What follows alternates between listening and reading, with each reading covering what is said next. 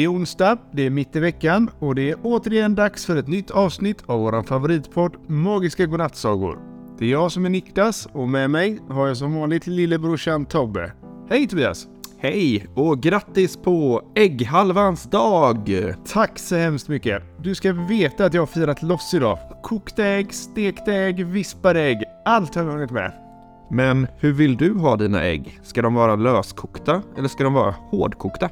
Jag föredrar nog eh, hårdkokt ägg faktiskt. Men nu får det vara nog pratat om ägg. Vi dundrar igång Aida.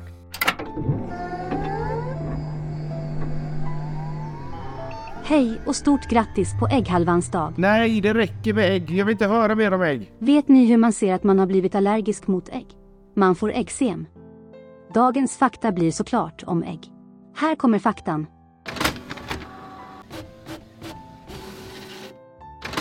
Tack Aida! Här kommer lite extra bra fakta om ägg.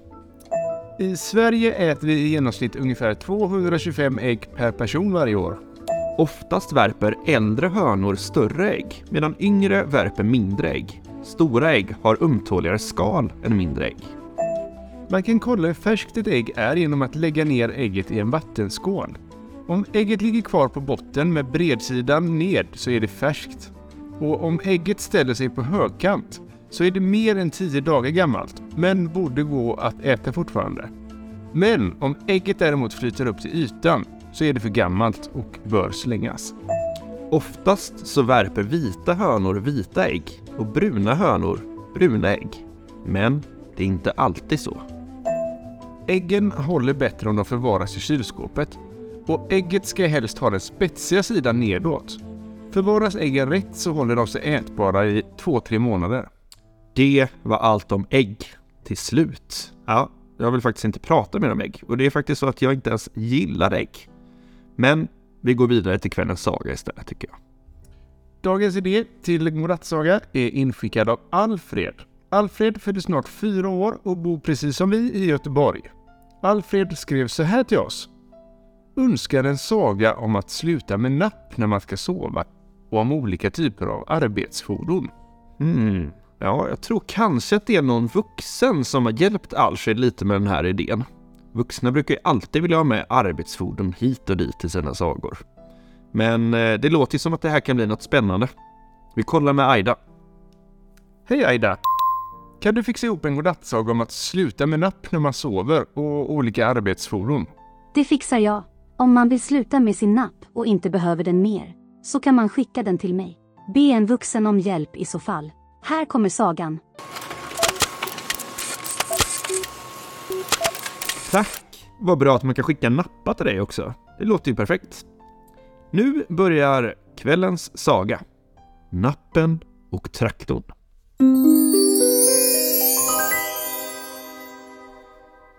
Det var en gång, för länge sedan, i ett fjärran land, en liten pojke som hette Timmy.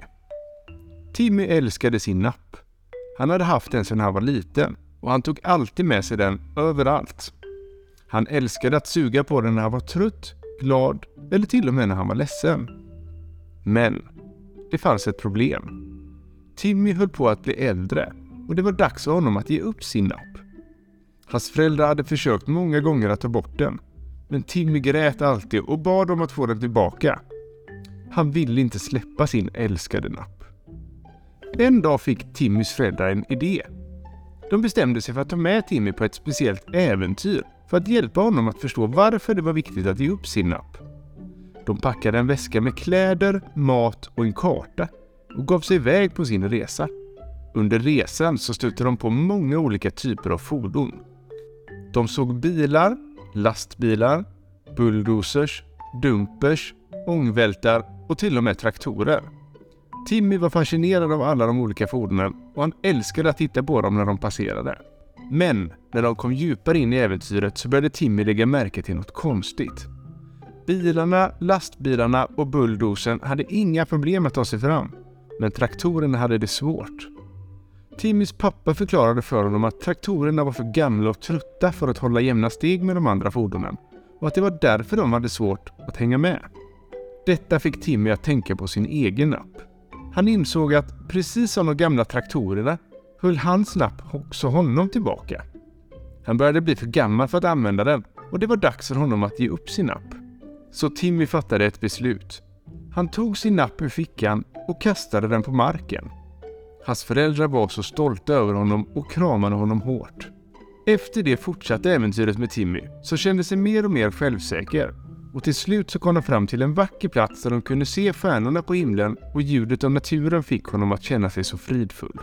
Till slut så glömde Timmy bort nappen helt. Men traktorn, den fanns för alltid kvar i Timmys minne.